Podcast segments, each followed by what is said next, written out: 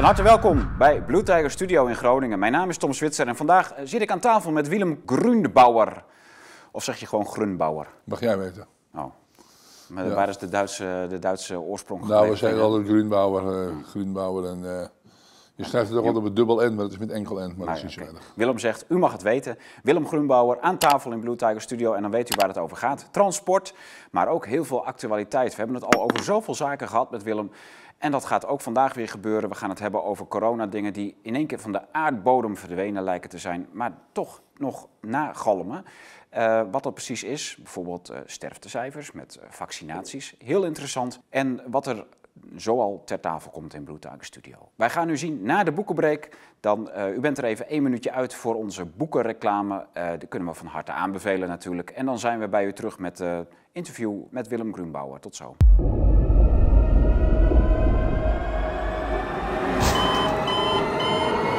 Ja, het is nogal actueel. Oorlog in Oekraïne en Rusland. En het Westen bemoeit zich er weer enorm tegenaan. Om niet te zeggen, die hele oorlog is een gevolg van geopolitieke beïnvloeding in Oekraïne en allerlei rotzooi van de NAVO en de EU in dat land. Want de 2030-agenda moet uitgerold worden en de Oekraïne als graanschuur van misschien wel het hele Eurasiatische continent moet natuurlijk onderdeel worden van die EU. Bijvoorbeeld de Rabobank die heeft al haar kapitaal uit Nederland teruggetrokken en vol geïnvesteerd in Oekraïne om daar met megafarms onze boeren overbodig te maken. Wilt u daar meer over lezen, dan kunt u bijvoorbeeld naar Epoch nummer 11. Daar staat heel veel in. Daar zijn de SDG's in uitgeschreven. En onder andere deze tactiek. En ook de Epoch nummer 10 en de Epoch nummer 12 bevatten daar informatie over. Maar we hebben meer, want de Blauwe Tijger heeft een hele oude track record met geopolitieke boeken. En Wellicht kent u ze allemaal al. We zijn ooit eens begonnen met de Wikileaks-documenten, waarin u perfect kunt nalezen wat Amerika wereldwijd allemaal uitspookt. Onder andere in Oekraïne, maar in meer landen dan dat. Een heel leuk boek om te leren kennen wat er precies aan de hand is en wat de werkwijzen zijn. Dan hebben we nog Oorlog is misleiding en bedrog van onze eigenste Groningse Frey Morel. Een ongelofelijke bestseller, heel interessant, goed geschreven. En echt de titel meer dan waard. Oorlog is misleiding en bedrog, dat moet u lezen. We zijn we nog niet. Ik heb ook zelf een keer een boekje geschreven over geopolitiek. De eerste filosofische, ah, het eerste filosofische essay over geopolitiek. Daar gaat dit boek over en dan met name ook weer die Rusland-Oekraïne-crisis lag ten grondslag aan dit schrijven. Dan hebben we nog één dik boek die onlangs is uitgekomen van de Zwitserse historicus Daniele Ganser. En die hoeft weinig inleiding. Als u Daniele Ganser kent, dan weet u dat is een ongelooflijk waardevol boek. Moet u ook gewoon lezen. En zijn we er nog niet, want dit zijn de dikke pillen van uitgeverij De Blauwe Tijger. We hebben ook een aantal kleine in de geopolitieke serie.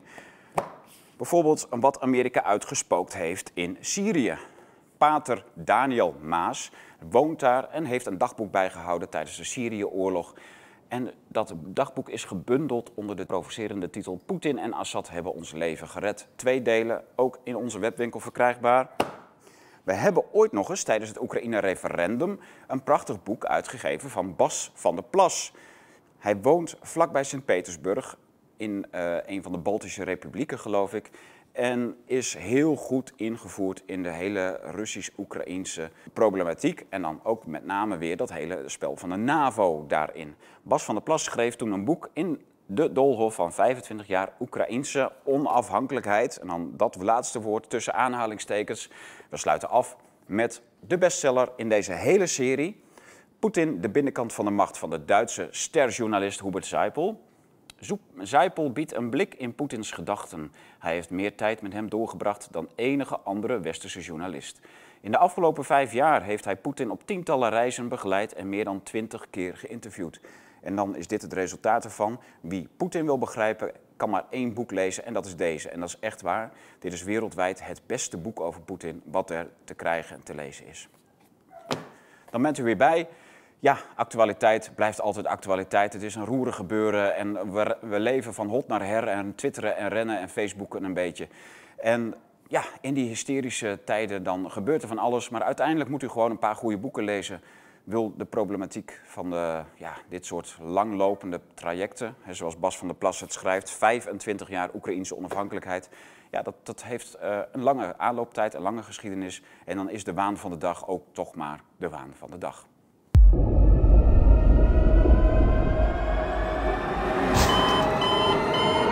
Welkom terug naar de break. Mijn naam is Tom Zwitser en vandaag aan tafel Willem Grunbauer. We gaan het hebben over heel veel verschillende dingen. Willem, wat leuk dat je hier weer bent. Uh, het is altijd gezellig. De alcohol uh, pruttelt, ja, pruttelt alweer. Je hebt een kasteeltje. Een, een drie, hè? Ja. Triple. Ik, uh, ik heb nog een oude fles Cognari die ik uit Hongarije heb meegenomen. Ja, ik zat het te lezen. Heel lekker.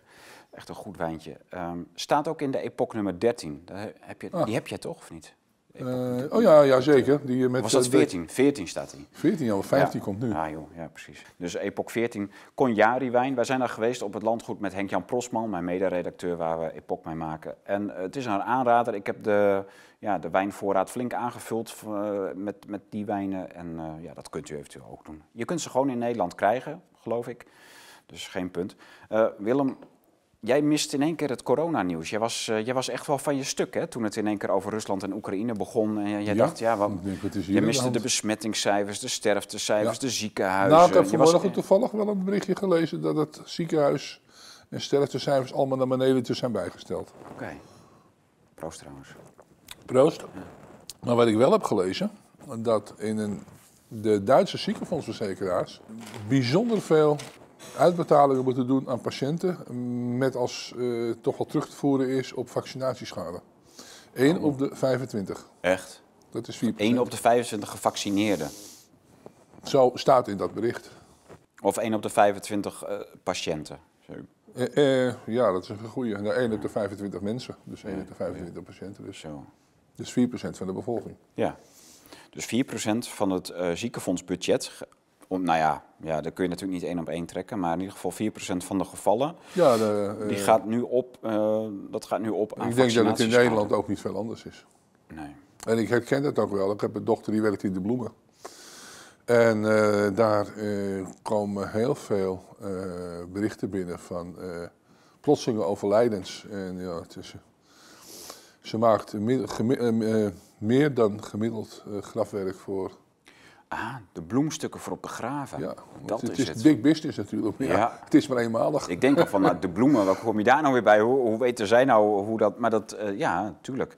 Dus uh, crematoria, uh, begrafenisondernemingen, vaak, vaak dat de crematie pas over twee weken plaatsvindt of zo. Dat is een wachtrij. Ja. Dus je, je kunt niet eens... Uh, je staat hier niet, je staat niet alleen niet op de snelweg in de file, maar... Nee, maar zelfs na je dood sta je nog te wachten op je begrafenis. Ja, dat, dat, dat, hoor ik vertellen. En, uh, iedereen, ik zeg het niet als enige hoor, er zijn er wel meer. Ja. Dat is natuurlijk allemaal niet waar. Maar dat zijn wel allemaal rare... Ja, goed. Ja, het is ook niet raar meer. We hebben, we hebben dat natuurlijk... Vorig jaar zijn we toen bij uh, Sugaret Bhakti geweest, die dit ook voorspelde allemaal. Er gaat een enorme golf komen qua overlijdens. En dat wordt dan eigenlijk weggespoeld met een oorlog met de Russen. Of zie je dat niet zo? Ja. ja. Het is vreemd. Ja. Maar ik bedoel, het, het, het, het logica, gaat, kijk, het is heel simpel. Alles wat je vertelt hierover tegen mensen die, ja, wat zal ik zeggen, hoe, ik weet niet hoe die mensen moet betitelen, maar alles wat je hierover zegt, hè, laat het bijvoorbeeld gewoon het corona-toegangsbewijs nemen. Nou, je kunt het links of rechts omdraaien, dit is uitsluiting. Je kunt dus, elk iedereen die hier gebruik van maakt, en iedereen die hier uh, op toeziet, die moet zich bij zichzelf te raden gaan of ze eigenlijk nog wel een moreel kompas hebben. Dit is gewoon helemaal vernietigd. Dan denk je, je bent knettergek. En dan zijn er de mensen, ja, maar de wetenschappelijk nou bewezen dat mondkapjes helpen. Nou, niets bewezen. Ja, en eh, als je een vaccinatie hebt gehad, dan word je 40% minder ziek. Ja, een auto doet het. Of het doet het niet. Ik heb een auto auto, een auto gezien die, die het maar voor 60% doet. Het is toch ja, dan, de, de, griep is dan 40% minder in, intens, of hoe heet dat? Ja, minder zwaar of zoiets. Ja. Maar hoe, hoe, dat kun je toch niet meten? Want de, de corona had altijd een hele diverse uitwerking op verschillende leeftijdsgroepen en alles. Uh, dat was, was, bijna niet te weten. Je werd om de oren geslagen met uh, twintigers die konden sterven aan corona, maar ook aan twintigers die zogenaamd alleen maar een, een verkoudheidje hadden. Ja. En uh, je, kon, je kunt er helemaal niet van op aan. Daar hebben ze ons jarenlang mee om de oren geslagen. En, maar als het dan die vaccinatie komt, dan zeggen ze in één keer van ja, maar het vermindert de, de heftigheid van de griep. Het helpt toch. Alles, alle beetjes helpen, Willem. Dat, uh, Ik, uh, er is totaal geen enkele logica in te vinden. Op de het is niet te meten, het is, niet, te, controleren. Het is nou ja, dan heb je bijvoorbeeld, nou, ja. uh, ik heb het al eens meer gezegd, in het transport bijvoorbeeld. Hè. Ja. Hoe kun je nou iets, die vaccinaties, behalve Moderna heb ik gehoord, ja. maar de andere vaccinaties moeten bewaard blijven op min 80. Ja, het is een vrij moeilijke klus, want de vrieshuizen gaan maar tot min 40 over het algemeen. De vrieshuizen? ja, de, de, vrieshuizen die komen niet verder als min 40. Nou, dat is een oplossing voor, dat kun je lezen. Uh, uh, in Puurs worden er een heleboel gemaakt. En die worden Waar ligt dat? Puurs in België. Okay. Dan worden ze naar Os gebracht in vrieswagens die tot, nou misschien dat ze tot min 40 kunnen, min 30, min 40. Dat hou je, dat, dat twee uur rijden, dat hou je weg, echt wel, dat, dat zal best wel gaan. Dan moet het daar op het perron gelost worden. Dan moet het het vrieshuis in, waar het misschien min 40 is. Maar vervolgens wordt het, dan, die pellets, die worden op een of andere manier met droogijs dieper gekoeld naar min 80. Dat, doen ze waarschijnlijk met droogijs te doen. Dan zie ik op min 79 en nog lager. Nou, dat zal misschien allemaal nog goed kunnen gaan. Nou, Nee, nee, nee, neem een gek voorbeeld. Die vrachtwagen die, die, die komt met pech te staan, die komt vier uur later binnen. Wat is er nou met dat spul gebeurd? Wie heeft daar controle op? Of wordt het maar, nou doen we gauw. Hè? Ik weet hoe het in de praktijk gaat. Want is, is, het dan heel erg dat het een, een paar uurtjes niet min 80 is? Of? Uh, is het onderzocht? Ik weet het niet. Nou, ik ook niet. Nee. Nou, vervolgens moeten die... Kijk, als je één pelletje hebt, of tien pelletjes hebt die daar naartoe moeten... en die moeten onder speciale omstandigheden in Amsterdam of naar Utrecht gebracht worden. Nou ja, goed, dan kun je er goed controle op houden. Maar dat gaat het hele land door. Er, is zelfs, er zijn zelfs een poosje lang is er een cateringbedrijf ingehuurd die het van Os naar Utrecht heeft gebracht. Dan denk je, ja, een cateringbedrijf, die hebben geen vrieswagentjes. Koelwagens? Och, niet eens koelwagentjes, misschien een koelwagen, maakt niet uit. Maar je brengt het naar Utrecht onder een, uh, toch niet zeker niet, onder, goede, onder, uh, optimale omstandigheden. Nee. Dan wordt het dan gelost. Dan moet dat ja, bewaard worden op een of andere manier. Hoe gaat het in zijn werk? Wie heeft die controle erop? weet je Willem wat en weet je dat er nog iets, nog iets niet mag gebeuren? Ze mogen niet gestoten. Weet je wat mij opvalt? Alles rond die corona, dan, als er iets nieuws is, dus was ook met die vaccins, dan in de eerste week komen er heel veel vragen in de media over die koelwagens en die vriezers en weet ik veel wat. Dat is nu ongeveer een dik jaar geleden dat dat gebeurde. En daarna hoor je er niets meer over. Alsof het hele probleem daarna niet meer bestaat en ook nooit meer voorkomt, helemaal opgelost is. Daar, daar en dat gebeurt om de havenklap. Dus alles wat, wat nieuw is, en dan, dan, uh, dan zijn de media blijkbaar nog niet goed genoeg geïnstrueerd. Dan komen er allemaal vragen naar boven. Nou, het zie je met de mondkapjes. Hè. In het begin hebben de vakbonden nog vragen gesteld. Ja, hoor eens, als jij die mensen met. Het is een medische behandeling, ze moeten eigenlijk allemaal gekeurd worden. Ja. Voordat je zo'n mondkapje op mag zetten. Als, als, als bedrijf dat toestaat. Vervolgens wordt er niet meer over gepraat. Ze hebben er wel even gezegd van, nou ja, als je vakkenvullers, als die na twee uur met een mondkapje op werk, moeten ze daarna minstens een kwartier eh, zonder mondkapje in de kantine zitten. Je hoort er ook niks meer over. Weg. De, de, vakbonden hebben dus, zijn dus hier helemaal niet meer voor de arbeidsvoorwaarden opgekomen in dat geval. Ze hebben gewoon iedereen met die, met die, uh, met die dingen op laten lopen. En ik heb er toen nog een artikel over geschreven in Trucks, dat het ook de verkeersveiligheid negatief beïnvloedt. Ja, omdat het, de, het gebrek aan zuurstof gaat opspelen. Nou ja, het is hetzelfde als ik, uh, als ik drank drink. Het zou, het zou wel eens kunnen zijn dat het hetzelfde effect heeft dat als ik uh, met een, flinke, een, paar flinke biertjes op ga rijden. Daar werd vroeger ook niet over gezeurd. Nou ja, het was zelfs zo dat als je in Frankrijk uh, geen drank had, dat je de bekeuring kreeg omdat je geen drank had, bij wijze van spreken. Want iedereen, die zelfs tot aan de politie toe, die, die dronk natuurlijk. Ja, dat is helemaal omgedraaid. Terecht trouwens. Maar het wil natuurlijk niet zeggen, het is niet zo dat het meteen talloze ongelukken vielen. Want ik ken heel veel mensen die met veel drank op. Beter rijden? Uh, nou ja, beter rijden, die, die, die reden de hele afstand, er is nooit wat gebeurd. Maar daar verpleit ik niet. Maar het is niet, toen gingen ze het onderzoeken, ze, ja, je reactievermogen gaat wel achteruit. Ja, nou, dat is met mondkapjes dingen, net zo, je wordt suffer, je krijgt minder als, zuurstof. Als ik twee uur sta te werken met een mondkapje op, dan heb ik minder zuurstof in mijn bloed. Ja. Dat is gewoon aantoonbaar. Ik heb het van heel veel mensen gehoord die ermee moeten werken. Ja dat ze eh, overdag al tijdens dat dragen van dat ding heel veel hoofdpijnen hebben. Maar als ze dan aan het einde van de dag zijn, is het niet klaar. Ze hebben de hele avond hoofdpijn. S'nachts hebben ze hoofdpijn. en dan laat je die zeurcijgen, dan slaat je dan nadat je ze hebben gelost waar een mondkapje op moet. Ja. Moet je zo intensief werken ook. Nou, als je daarna ga je rijden. Het is net hetzelfde als je met drank op wat rijden. Ja. Maar voor de rest, Vakbonden hebben de mond gehouden, ze, hebben het allemaal goed, ze vinden het nog steeds goed. Ja. zeker in het buitenland nog steeds. Het is echt absurd. Ja. Dan denk je bij jezelf, jongens, En dan gaan we vervolgens hè, over die temperatuur. Er is daar nog wat bij gezegd. Je mag die vaccinatie, staat toch in de handleiding, mag ook niet stoten. Nou, dat is ook nog wel eventjes een kunst natuurlijk, hè, dat je die dingen dus voorzichtig wel uh, behandelt. Ja, geen stoeprandjes meepakken, drempeltjes heel voorzichtig. Dat is een slechte weg misschien, hè. Ja.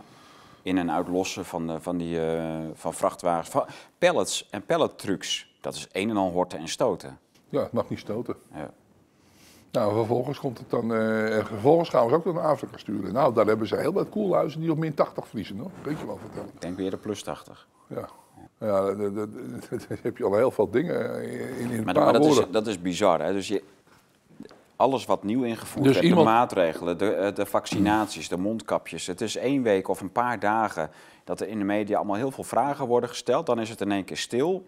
En dan wordt het spul ingevoerd en hoor je er nooit meer iemand over kraaien. Maar dat, ik had het idee dat dat hele coronaverhaal, en ik denk meerdere mensen met mij, uh, dat het hele coronaverhaal met die Canadese truckers echt gewoon uh, zich naar het einde sleepte. Iedereen in de wereld was er zat van. En ik had ook het idee dat het momentum echt daar was dat dit, dat dit klaar was. Dat, ze, uh, dat die mensen gewoon hun biezen konden pakken. In Canada gingen ze ook niet meer weg, die truckers. Hoor jij daar nou nog wat van? Nou, ze zijn natuurlijk uh, twee weken lang in de pers genegeerd. Er zijn nauwelijks berichten over de buiten gekomen. Nee, maar in, Tientallen. In, de, alternatieve media heel veel natuurlijk. Al die telegram. Ik heb, ook, uh, ik, heb ook, ik heb trouwens ook gedoneerd. En ik heb eerst bij de één, die donatie heb ik ook teruggehad. Oh, waarom? Weet je, nou ja, die, die werden toch allemaal niet uitgekeerd. Dat, eh, dat fonds, dat die ging toch die uitkeringen niet... Uh, Meen je dat? Ja, die donaties werden niet aan die truckers uitgegeven. Toen hadden ze het eerst aan een goed doel geven. Dat hebben ze ook niet gedaan. Ze hebben het teruggestort en ik heb het teruggekregen. En toen had je een andere stichting, of een, eh, noem het een stichting. Crowdfunding, weet ik hoe dat heet. En die zaten in Amerika, in de Verenigde Staten. Daar heb ik wel nog even, dat, die heb ik toen nog een bedankje gestuurd en alles. En dat heb ik... dus ik heb er ook nog wel aan gedoneerd. En, ja, wat er in Canada gebeurt dat is nu, er zitten nog steeds mensen voor vast. Nou, die, die, die Trudeau, die heeft daar natuurlijk uh, de, de, meest idiote wetgeving voor uit de kast getrokken. En heeft al die mensen laten arresteren. Maar ja, er is nog steeds zijn de demonstraties in Canada. En in de Verenigde Staten is een enorm konvooi onderweg van Californië naar Washington. Ja, alleen jij er iets in de media? Niks. Nee, nee we, het, uh, maar ook alle Wappie-demo's uh, waar tienduizenden, soms honderdduizenden mensen bij, bij, aanwezig waren, zag je eigenlijk nooit in de media. Dan waren het zogenaamd enkele duizenden demonstranten. Maar uh, dit verhaal van Rusland-Oekraïne, volgens mij hebben ze staan juichen toen het allemaal losbarstte. Want ook nu weer staan de media vol van dat heel, in heel Europa zogenaamd enorme demonstraties voor om Oekraïne te steunen. Ja, alle hoofdsteden. Ja, je hebt bijna het idee dat, uh, dat, uh, dat, dat, ze van Europees zijde tegen ja. Poetin zeggen, ga naar je gang maar, want we hebben je even nodig, want we moeten eventjes ergens anders over Bijna wel, ja. ja. Terwijl inmiddels de wetgeving van Ayatollah Kuipers, ja. dat is gewoon een Ayatollah hè, oh. de Ayatollah Kuipers die gaat gewoon door hè. Met, dat komt op de, nou ja, de ziekte staat op de A-lijst. Ja. De spoedwet gaat door. Uh, we gaan zo meteen een contract uh, met ja, de, de, WHO afsluiten. Dat oh, ja. de wetgeving hier gaat. dat hun gaan bepalen wat hier gaat gebeuren. Ja. Dat gaat gewoon gebeuren. En niemand heeft het nog in de gaten zitten een beetje over Oekraïne te kletsen. Het, een van de meest, een van de meest corrupte landen ter wereld. Nou ja, elf van Europa. Als je ziet, joh schijnend huilen Roemenië en Bulgarije zijn wel corrupt, nog steeds. Ja. En wat denk je dan wel niet van de Oekraïne? Wat daar we, hebben, we hebben het van de week hier gehad met uh, Farmers Defence Force, uh, Sita van Kijnpema. Uh, want er worden natuurlijk, de boeren worden enorme streken geflikt. Maar wij weten dus al heel lang dat uh, de grote multinationals, de foodindustrie, zit vuistdiep in Oekraïne. Die ging er, dat is de afgelopen acht jaar is dat sluipende wijze gebeurd. De Rabobank heeft hier al hun regionale bankgebouwen verkocht, heeft al haar kapitaal naar Oekraïne toegesluist. Ze is allemaal van Utrecht naar Oekraïne gegaan. Want de Rabobank wil af van al die kleine keuterboertjes hier, zoals ze dat zeggen, want die zijn lastig. En ze gaan zelf dus boerderijen gaan ze beginnen. Dus de, Rabobank gaat zelf boeren eigenlijk.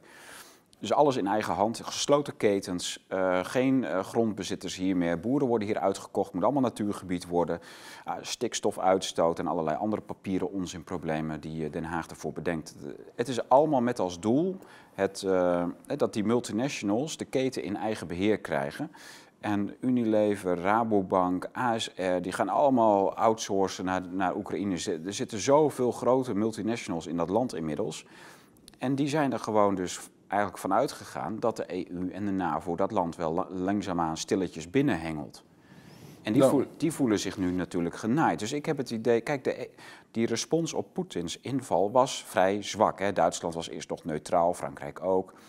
En nu, na een paar dagen oorlog daar, die volgens mij voor een oorlog heel netjes verloopt, alleen het demilitariseren van dat land. Dus wat je ook van oorlog vindt, dit is een, uh, dit, dit, is een vrij clean gebeuren. Maar uh, het, er wordt gedaan alsof de grootste oorlogsmisdaad sinds Hitler uh, nu aan de gang is. En de EU en de NAVO zijn volledig mee. Je zag dat het oorlogshitsen begon vanuit Engeland en Amerika. Maar nu gaat de hele EU mee. Duitsland, Frankrijk, die eerst nog zich uh, terughielden. En dat heeft volgens mij als oorzaak dat onze economie en onze multinationals, onze, die, zitten daar gewoon veel te, veel, veel te diep in. in ja, ik ken van een eierenboer bij mij. Ja, maar een eierenboer bij mij in de omgeving. Die had van die legbatterijen, dat mocht ja. op een gegeven moment niet meer. Die staan nu in de Oekraïne. De eieren die daar vandaan komen worden gestempeld in Nederland als zijn de Nederlandse eieren. Ja, kippen net zo. Kippen dus net zo. Worden hier gefileerd en dan is het dus Nederlandse kip. Ja. Maar dat gaat ook gebeuren met de melk. De Campina's, Friesland Campina gaat er allemaal heen. Ehm, die hebben al uh, heel veel fiasco's achter de rug met fabrieken in Afrika en weet ik veel overal wat. Die hebben zoveel fiasco's gedraaid. Maar nu zitten ze dan ook weer. Uh, ze gaan allemaal met dit soort megalomane projecten mee. En nu worden ze dus keihard in de hoek gedrukt door Poetin eigenlijk. Dus volgens mij hebben wij de afgelopen weken iets gemist wat niet in het nieuws is geweest. Namelijk dat alle grootindustrie die daar inmiddels in de afgelopen acht jaar is neergestreken, almas bij de EU is gaan lobbyen voor oorlog. Nou ja, of uh, in ieder geval na de inval dat ze natuurlijk bij de EU zijn gekomen van ze, hier moeten we te doen met onze belangen. Die. Je nou ziet het zelf natuurlijk. Ja, maar je ziet sinds, je... sinds, eergisteren, sinds eergisteren heb je dus nu dat de EU uh, eh, Oekraïne als lid wil. Uh, dus dat, dat komt en dat verhaal gaat er nu komen. Dat Oekraïne moet lid worden moet ook lid worden van de NAVO. Ja, en dan heb je de poppen aan dansen. Want dan heb je oorlog met Rusland, met een kernmacht. Ja, met hetzelfde wat, jij, wat je nu ziet gebeuren, is het eigenlijk gebeurd in de Eerste Wereldoorlog. Dat Duitsland dreigde die oorlog te winnen. En Amerika had, tenminste de Amerikaanse banken, hadden heel veel geld geleend aan de, de Fransen en de Engelsen. Ja. Nou, die, die waren, zagen het al zitten. Ja, maar als die Duitsers die oorlog winnen, krijgen wij onze centjes niet terug. Dus wij moeten die mensen die moeten toch maar even helpen die oorlog te gaan winnen. Daar is gelobbyd. Er is toch gelobbyd en dat weten we allemaal. JP Morgan, hè, die grote bank, die zat er uh, vuistdiep in. Die en, heeft, uh, en vervolgens hebben... Die, die, heeft ook de publieke opinie zelf toen omgedraaid. Nou, dat zie je nu hetzelfde gebeuren, denk ik, wat jij zegt. Uh, dat, kijk, wat ik heel raar vind... Zelensky die heeft een, een, niet zo lang geleden verboden omdat de Russen nog Russisch mochten praten. Dat de Hongaren Hongaars mochten praten.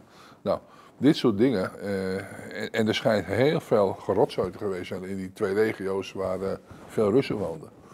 Ja, daar hoor je helemaal niets van. En, en CNN en alle kranten niet, het is helemaal doodgezwegen. En dan wil ik helemaal niet die, die, die, die inval in Oekraïne goed praten. In maar daar gaat het oorlog. ook niet om. Daar gaat het helemaal nee, om. Je, kijk, jij en ik houden die oorlog toch niet tegen me. Maar ga je wel afvragen, waarom gebeurt dit? En dan zie je dat er zoveel belangen spelen. En dan zie je ook die draai van, de, uh, van Nederland en de Europese Unie. Maar ja, die, die Rabobank die denkt ook, ja, ik zie allemaal belangetjes uh, ja. verdwijnen. Maar wij, wij zitten dus met een elite, met een uh, politieke elite, die met speels gemak een oorlog met een van de grootste kernmachten van de wereld riskeert. Ze spelen ermee alsof het niks is. Terwijl ze natuurlijk ook op een andere manier mee om kunnen gaan, denk ik. Hoewel ik, hoewel ik ook wel een beetje, beetje, beetje, beetje, ja. Ik heb toch wel mijn twijfels met Poetin ook wel een beetje paranoia lijkt te zijn. Want anders doe je dit natuurlijk ook niet. Nou, dat is eerder van hem gezegd. Kijk, eh, eh, hij, wordt, hij is daar natuurlijk al 25 jaar aan de macht. En eh, in die 25 jaar is hij herhaaldelijk van paranoia beschuldigd. En tijdens acties, bijvoorbeeld Georgië viel Zuid-Ossetië binnen. Hij herstelde daar de orde. Nou, je wil niet weten hoe de westerse pers daarop reageerde. 2008 was dat. Ehm, en er zijn vaker dingen gebeurd. Tsjetsjenië heeft hij natuurlijk ook uh, orde op zaken gesteld. En voortdurend zie je die westerse media doen alsof je met een, uh, een of andere ongelooflijke ongeneeslijke kankerpatiënt dan wel uh, gek te maken hebt. Ja. En achteraf blijkt het gewoon allemaal. Het is, hij heeft nooit, in al dat soort conflicten, heeft hij nooit zijn hand overspeeld. Altijd, keer op keer in de westerse media en in de publieke opinie zie je dat niemand dit wil zien dat hij, uh, dat hij misschien een strategie heeft en afwegingen maakt, maar nooit tot nog toe zijn hand overspeelt. Het kan natuurlijk zijn hè, dat dat gebeurt, maar je moet wel zijn track record in de gaten houden. Poetin heeft dat nog nooit gedaan. Hij heeft nog nooit ergens iets gedaan en is daar gigantisch voor afgestraft. Nergens, nooit niet. Ja, dat is opvallend. Ja. Ik ben, ik ben er wel benieuwd hoe dit eindigt hoor. Want, ja, ik eh, ook. Ja, zeker. Ja. Maar ik vind wel inderdaad dat eigenlijk gaat Poetin natuurlijk veel makkelijker kunnen hebben. Dat te zeggen, nou weet je, als jullie Oekraïne bij de NAVO en bij de Europese Unie leiden, dan draai ik gewoon die gaskraan dicht en dan zoek je het eruit. Wat er dan gebeurt. Dat had hij natuurlijk wel op een soort vreedzame manier gedaan. Is dat geen casus belli voor het Westen, zoiets? Wat is een casus? Een mooie... Een mooie... Nou ja, het is natuurlijk een essentiële levensbehoefte, ja? het gas. Ja, ik, ja, en voor hem natuurlijk voor de inkomsten en voor ons voor de verwarming. Ja. Wist je dat Amerika gewoon nog steeds doorgaat met olie afnemen vanuit, van Rusland? Ze gaan gewoon door, hè? Ze zitten Europa, uh, zetten ze voor het blok van jullie moeten sancties uh, tegen Rusland uitvaardigen. En ondertussen gaan ze zelf... Uh, ja, Arnold Kassen zegt het ook vaak, hè? het eerste wat sneuvelt in de oorlog is de waarheid. Dat zie je natuurlijk ook zo. En als je kijkt hoeveel Amerika basissen heeft en, en, overal op oorlog uit is. Hè, dat, dat, uh, als je Daniel Gansen leest uh, en, en, heel veel andere goede literatuur hierover leest. Ik ben opgevoed in de tijd dat je zei van Amerika, nou ja, dat was natuurlijk onze bevrijders. Hè? Ja. Maar als je vervolgens daar gaat, mm, in de geschiedenis getuigen, is het ook Amerika geweest die dit heeft veroorzaakt. En ik denk ook in dit geval. Nou ja, in de tijd van een oude vriend, Ja, bij mijn oude vriend toen, die. Uh, die toen in de, in de Eerste Kamer heb gezeten en ook in de Europese, een van de eerste Europarlementariërs. Die heb ik wel eens gevraagd, wat, wat vindt u nou van die Tweede Wereldoorlog? Nou, zegt hij, ik kan niks bewijzen. Ik kan het echt niet bewijzen, zegt hij, maar ik ben wel ergens een overtuiging van. Hij zegt, ik ben ervan overtuigd, deze oorlog, die Tweede Wereldoorlog, heeft men op aangestuurd. Willens en wetens op aangestuurd, van laat Hitler zijn gang begaan. Want de problemen in Europa waren zo groot, dat ze eigenlijk geen gat meer in zagen. Er was geen lontje meer nodig, het was al een kruidvat wat op springen stond. En dus, dus laten we Hitler maar lekker zijn gang gaan. En dan hebben we een jaar oorlog en dan, uh, dan zijn we van het probleem af. En je krijgt bijna de indruk, hè, je ziet het nu ook, uh, hoeveel geld er is bijgedrukt. De bank is helemaal failliet. Uh, de corona is natuurlijk een beetje achter de rug. En het verhaal is niet meer te verkopen, zeg men. Dat men nu op een gegeven moment zegt van, weet je wat, ja, laten we hier maar een beetje maar we hebben altijd, altijd... Heel vreemd dit. Sinds de Tweede Wereldoorlog hebben wij altijd gedaan wat Washington van ons eiste, vroeg, zei. altijd. West-Europa is eerst een soort menselijk schild geweest voor, met kernkoppen richting uh, Moskou en de Sovjets. Want die boze Sovjets en communisten die moesten we de en na de uh, zogenaamde einde van de Koude Oorlog, wat nooit geëindigd is, maar is, hè, de NAVO is uitgebreid naar het oosten, kreeg je het raketschild. Ik weet niet of je dat nog herinnert, jaren 90 volgens mij, Tsjechië, Polen, uh, Roemenië. En nu staan de kernkoppen actief en al paraat in de Baltische Staten, nog steeds in Polen, uh, nog steeds in Roemenië. Ja, dat is al die tijd, dus dat is nu 30 jaar lang, is dat een ongelofelijke gevaar voor de Russische nationale veiligheid. En dan denk je bij jezelf, waarom? Ik bedoel, Rusland heeft zelf gevraagd van, joh, misschien willen wij ook wel bij die NAVO horen. Vier keer hebben ze het gevraagd. Jeltsin heeft dat twee keer gedaan en Poetin ook twee keer. en dat wil men dan niet. Ja, waarom niet? Omdat je dan geen vijand meer hebt. En als je geen vijand meer hebt, stort je heel oorlogsindustrie in. Misschien moet ik het zo redeneren. Nou ja, je hebt het heel snel... Uh, dat is niet zo moeilijk, toch? Ja, nee. Je ziet er continu dat Amerika uit is. Uh, Daniel Gansen, in Daniel Gansen, dat boek heb je ook uitgegeven, dacht ik. Staat het continu. Als je kijkt, nou, hier gebeurt het, daar gebeurt het. Het gebeurt iedere keer opnieuw. Ja. En het is een samenwerkingsverband tussen banken en oorlogsindustrie. Amerika en nu zie je dus dat aan die banken en die oorlogsindustrie is nou een farmaceutische industrie aangekoppeld. Want kijk, geld is, geld is opgeslagen arbeid. Ja. Nou, en je ziet nu dat die farmaceutische industrie, die al diverse keren veroordeeld is voor, voor, voor fraude, voor uh, nou ja, ondeugdelijke producten die zuigt al het geld nu bij de mensen weg. Ja. ja want het moet toch moet betaald worden, jongens. Allemaal zuigt het weg. Ja? Ze, ze, stoppen er een vaccinatie in en ze zuigen het geld bij de mensen eruit. En dat gaat allemaal daarheen. Maar de mensen worden steeds armer. Ik weet het niet. Ik denk dat ik liever een coronaatje heb dan dat ik uh, zometeen uh, van zorg... de honger om moet komen. Die zorgpremie in Duitsland die, uh, die schiet omhoog, hè? dat zei je net. Nee, die zorgpremie niet. Ah. Hetgeen wat ze moeten uitbetalen aan, de, aan de ziekenkosten. Maar dan gaat dat uiteindelijk gaat dat natuurlijk uit de staatskas, dus via belasting of via dus een zorgbijdrage gaat dat betaald worden. Ja. Dat, gaat niet, dat komt niet uit het niets. Nee, nee, net zoals ze zeggen, die, die toeslagenaffaire, van, nou, dat betaalt, uh, betaalt de regering wel. Ja, dus dat betalen de, regering, de belastingbetaler betaalt ja, dat gaat meneer Rutte huis niet uit zijn eigen portemonnee betalen. Ja. Dat zijn merkwaardige zaken, toch of niet? Ze, nou ja, ze, ze betalen hun eigen fouten niet uit eigen portemonnee. Ze zijn niet persoonlijk aansprakelijk. Ja. Ze worden allemaal, het zijn allemaal bedrijfsomgevallen. Ja, ze gaan gewoon door ook. Kan ze niks schelen. Nee. Dat zie je toch? We hebben een kabinet gehad dat uh, heeft schaamte. Is, is het weggegaan. En we zien nu dezelfde poppetjes die zitten we nou, uh, die zitten, staan, staan nou weer te dansen. Ja. Ja. Denk je, wat is dit? En dat we dit pikken, dat is echt ongelooflijk toch? Ja. Ik, nee, ik kan het echt niet meer serieus nemen. Jij wel? Nee. nee ik ga het echt niet meer serieus nemen. Dit zijn toch charlatans? Wij worden geregeerd door stelletje charlatans. Er zitten af en toe zitten er hele oprechte mensen Dus Ik noem een, wat ik echt vind, Mirjam Bikker. Nou, echt een oprecht mens, maar ze ziet echt niet dat je gewoon door haar eigen clubgenoten in de maling wordt genomen. En als er een één iemand is Het zijn toch ook wel vaak van die naïeve, ja, ik zeg het misschien een beetje te denigreren, maar het zijn toch vaak naïeve huisvrouwtjes die gewoon uh, niet doorhebben wat voor taak ze zelf hebben. Ik denk wel dat je het wat uh, overdreven degene die zegt, maar er zit wel een kern van waarheid in, ja. Ja, ik weet ook niet hoe ik dat dan met respectvol moet zeggen, maar ja, dat is toch gewoon een beetje het beeld wat ontstaat bij dat soort uh, dames, zeg maar. Nou ja, er zijn natuurlijk wel meer. Er zijn best wel goede mensen in die, in, in, in die twee die echt wel goed willen, maar niet in de gaten hebben. Ja, neem, neem Kees van der Staaij bijvoorbeeld, dat is best een aardige man. Zijn Christies Christoffel bijvoorbeeld, hè, die best wel kritisch op het ogenblik is, maar niet in de gaten heeft wat er op de achtergrond meespeelt op het ogenblik. Nee. En we zien toch wat er op de achtergrond, ze zijn er heel open over, toch? Ze zijn er heel open over. Nou, wat, wat, wat willen we dan eigenlijk nog? En we zien toch dat al die mensen, Miriam Ploemen, en niet alleen bij de Canadese regering, eh, in de Nederlandse politiek, al die mensen zitten bij het Wereld Economic Forum. En dan zegt Zwegers, ja, dat is maar een praatclubje. Ja. Nou, en als je dan uh, gaat kijken wat, uh, wat ze dan van plan zijn, ze hebben het rechtstreeks overgenomen. Uh, ik weet niet wie dit was, kreeg, ik weet niet wat ik dat gelezen heb, maar het komt rechtstreeks uit de koker van, van het Wereld Economisch Forum wat de plannetjes zijn. Ja. En wat jij bijvoorbeeld uh, nog gefilmd hebt hier in Groningen. Ja, al die kastjes vinden we dat erg, jongens. Nou, kennelijk vinden we het. Ja, die gezichtstrekkingscamera's in de binnensteden. Ja. De real-time registreren waar je bent. Ja, we zijn hier geen China. Dan gaan we even naar Groningen. Ja. Nou ja, Amsterdam en Rotterdam hangen er helemaal vol mee. ja, en, uh, bankjes. Uh, Amersfoort volgens ja, maar op de, als je op een bankje in de metro gaat zitten in Amsterdam, dan weten ze precies wie je bent, waar je zit, waar je heen gaat. En slimme bankjes. Slimme bankjes. Ja. Zo heel gewoon. Nou, dat zijn dan, en dan hebben we gelukkig in Nederland ook nog slimme bankjes. Want voor, volgens mij de rest van de banken, dat, eh, dat is de slimheid. Uh, is nou ja, dat is met net wat je onder slimheid verstaat. Ja, ja dat zijn schurken zijn het. Ik denk, ik denk wel, ja, ik weet het niet. Ik weet niet hoe jouw verhouding met de ING op het ogenblik is. Maar dat, die is natuurlijk ook veroordeeld voor allerlei witwaspraktijken. En dan gaan ze...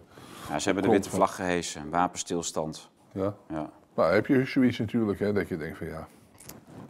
Rechts, en krijg je, krijg je begrepen die, wat jij vertelde in het filmpje. Ik heb dit die jongen ook over de rechtsextremistische nou ja, denk je, op op zich. De uitgeverij, ja, ja, ja. ja, ja. je, je, geeft gewoon goede Dat was het Dagblad van het Noorden. Dat was hilarisch. Toen wij trouwens uh, dat item opnamen in de binnenstad, toen liepen wij dus uh, de journalist van Dagblad van het Noorden tegen het lijf. Uh, heel erg toevallig. Ik, ik, nou ja, ik geloof er nog steeds bijna niet in dat hij zo ook nog daar ter plekke was. Want hij had in de week daarvoor drie waanzinnige stukken geschreven over dat er stagiaires bij de Blauwe Tijger liepen van de Hanse Hogeschool. Eh, opleidingen, communicatie en weet ik veel wat, allemaal dat soort, uh, ja, ik noem het een beetje vage opleidingen. Maar goed, uh, als iemand stage, wil lopen en dat wel bij ons wil doen, dan mag dat. Maar dat mag blijkbaar niet van de krant. En die had toen allemaal mensen geïnterviewd die al een, een, een track record hebben van kritiek hebben op de Blauwe Tijger. Dus die hebben in het verleden zeer gekleurde opinies gegeven over ons en onze activiteiten. En die hebben zij dan weer gevraagd om hun mening te geven over dat er hier stagiaires zijn van de Hans Hogeschool. Dus dan weet je dat de Dagblad van het Noorden een bepaald antwoord verwacht van deze mensen, want anders dan ga je ze niet interviewen. Want je weet wat zij vinden van de blauwe tijger. Dan weet je ook wat ze vinden van het feit dat de stagiaires lopen. Ja, ze mogen mij ook interviewen. Ik heb niet de, indruk, ik dus heb niet de indruk dat ik rechtsextremist ben. Mijn idee was, waarom heb je niet een gemiddelde gezelschap geïnterviewd? Je mag best een criticus interviewen, maar doe dan ook, uh, zet er een ander geluid tegenover. Dan ben je een goede journalist. Nou, neem bijvoorbeeld nou die Hans Siepel die hier geweest is. Dat is natuurlijk de meest, een van de meest linkse kerels die, die, die, die, die ik ken. GroenLinks PPR, hè? Ja. PPR, geloof ik. Ja, ja. ja. dat... Leuke vent. Ja, ik moet zeggen, hij heeft ook een heel leuk boek geschreven. De, niet bij jou uitgegeven overigens, maar een heel goed boek geschreven, De, de, de Godsgedachte. Schitterend. En die heeft dus, uh, een van de kritieke punten die hij dus maakt. Hij zegt in de kerken, dat vind ik, hè, hij is natuurlijk, uh, ik meen dat hij wel een, een, eh, van huis uit een religieuze achtergrond heeft, een kerkelijke achtergrond. Hij is ook wel religieus. Maar hij is op zich wel religieus, maar, op een andere manier dan mensen ja. die heel op de katholiek zijn, zou ik maar zeggen. Ja.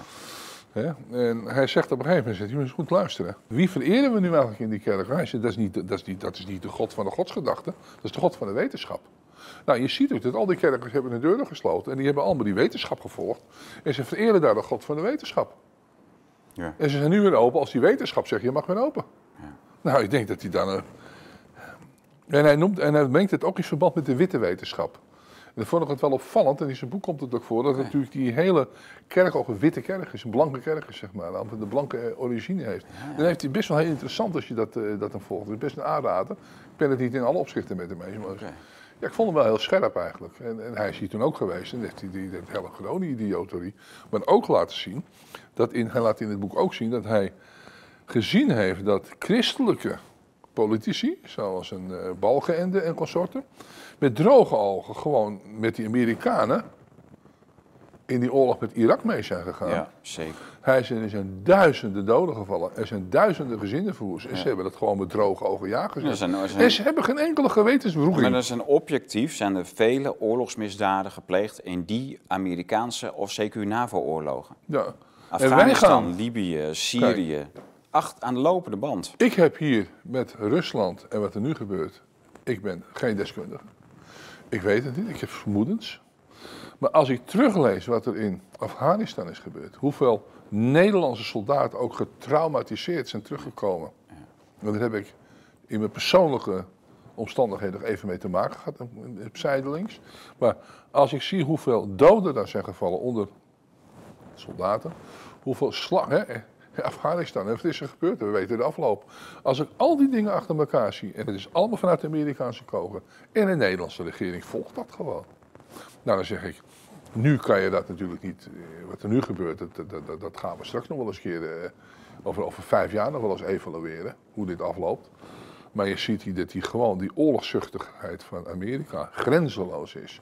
En wat ze dus in Amerika geflikt, wat ze dus in Irak geflikt hebben. En de Nederlanders zijn er gewoon niet meegegaan. En hoeveel mensen daar verwoest zijn, hoeveel levens daar verwoest zijn.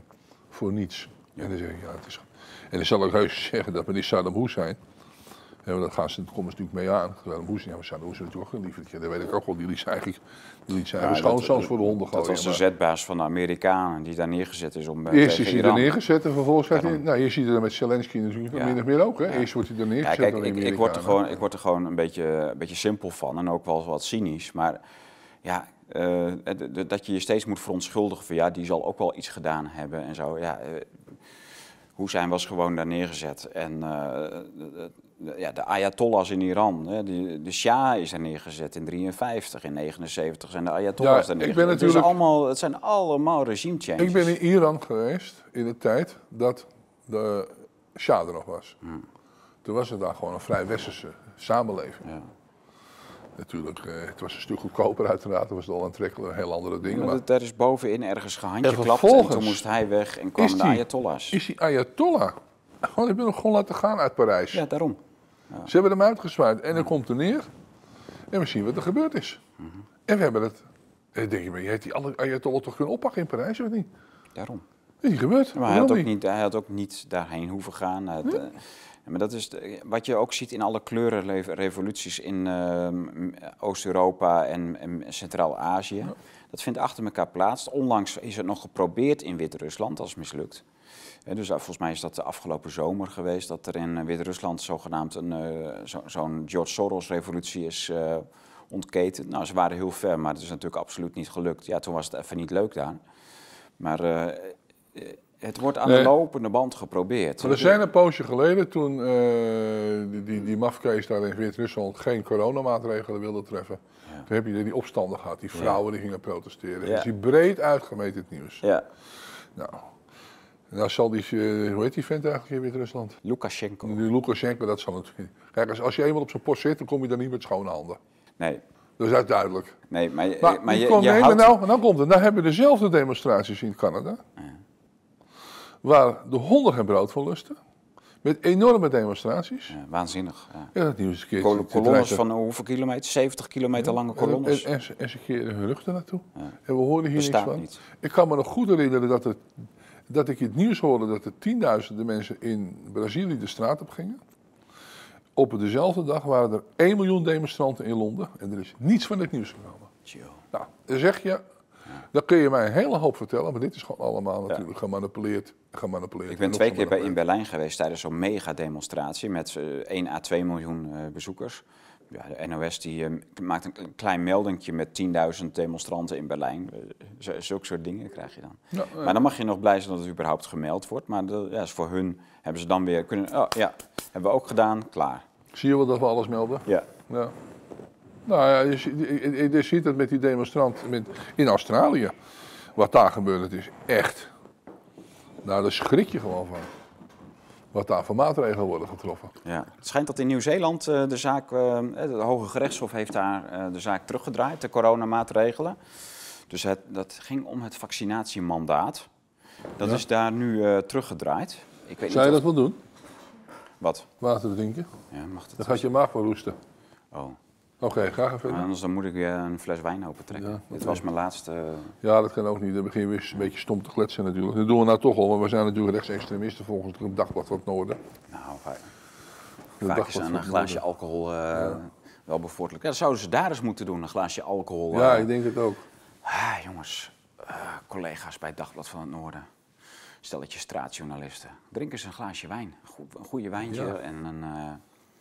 ja, dat is, dat is toch een aanrader, Willem. Ja. Een sigaartje. Maar dat mag allemaal niet meer, hè? Daar. Dat is, allemaal van die. Ze eten waarschijnlijk ook geen daar vlees ben je niet, Dan ben je anti-deug. Ja. ja. Ze vonden het ook niet erg dat ze gefilmd werd door de camera's daar. Dat vonden ze ook allemaal niet zo'n uh, probleem. Nee, nee joh. is, nee. Vond ze het toch wel leuk, hoor? Zaten kinderen bij daar? Ja, ik had er nog geweest, op dat de, de, de stad filmt ook. Hè, dus vond ze ook geen probleem. Nou ja, dan ben ik ook geen probleem. Hè, dus dan, uh, ja. ja. inderdaad, de stad filmt ook. Ja. Het is toch ongelooflijk dat we dit gewoon over onze kant laten gaan. En mensen dit wil. Nou ja, ik ken, ik ken de houder van Thierry Baudet. Op een gegeven moment gaat het, gaat het een keer te ver en dan, gaan, dan worden ze kapot geschoten allemaal, die camera's. Ja, maar ik kan Thierry Baudet wel begrijpen. Die zeggen, jongens, luister, jongens, dit is wat mensen willen. Ze hebben allemaal op jullie gestemd. Ga lekker je gang. Ja. Nou, ik zeg tegen de bevolking van Nederland, nou, ga lekker stemmen. Volgende week met de gemeenteraad en laten. En ga gewoon lekker op de klassieke partij vinden. Dan weet je gewoon wat je te wachten staat. Ja. Geheim weer bij. Overal camera's. Ja, ik heb niks te verbergen. Ja. Emissiebudget. Ik vond, het, ik vond het wel grappig wat die Willem, de Jan Engels zei dat. Ik heb niks te verbergen, dus je hoeft ook helemaal mij niet te filmen.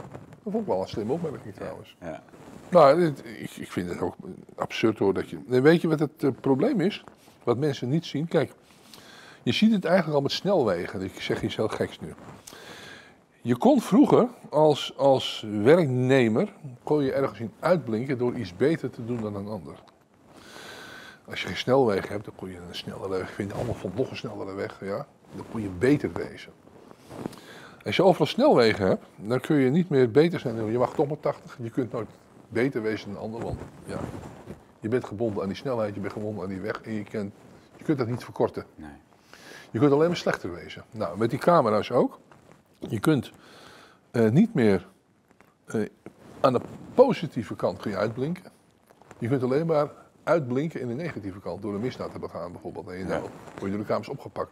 Dat is het levensgevaarlijke in de gedachte van het hele... denk je niet dat die camera's het deugdburgerschap bevorderen? Dat mensen echt uh, overal camera's en, en, tracking, dat ze dan denken, oh ja, dan word ik wel vegetariër. Oh, dan ga ik wel elektrisch rijden. Oh, dan ga ik mijn een, huis isoleren. Nee, ik denk veel meer dat het hierin komt, dat als uh, nou, ja, dat, dat, volgen van... Uh, dat volgen van burgers in zo'n stad, dat heeft misschien ook wel, ja, misschien wel wel elke bepaalde voordelen of zo. Je hebt de, misdaad gauw, de misdadiger gauw opgespoord bij een bankoverval. He, er zat geen bank in dat stukje. Nee, nou ja. Er zitten, winkel, zitten modewinkels, er zitten Albert Heijn. Winkeldieven. Ja. ja. Dus er zullen best wel in die zin voordelen aan zitten. Ja. Maar eh, de na, de, de, de, ik denk dat op, op den duur de nadelen groter zijn dan de voordelen. Kijk, als je in je startcameraatjes vangen.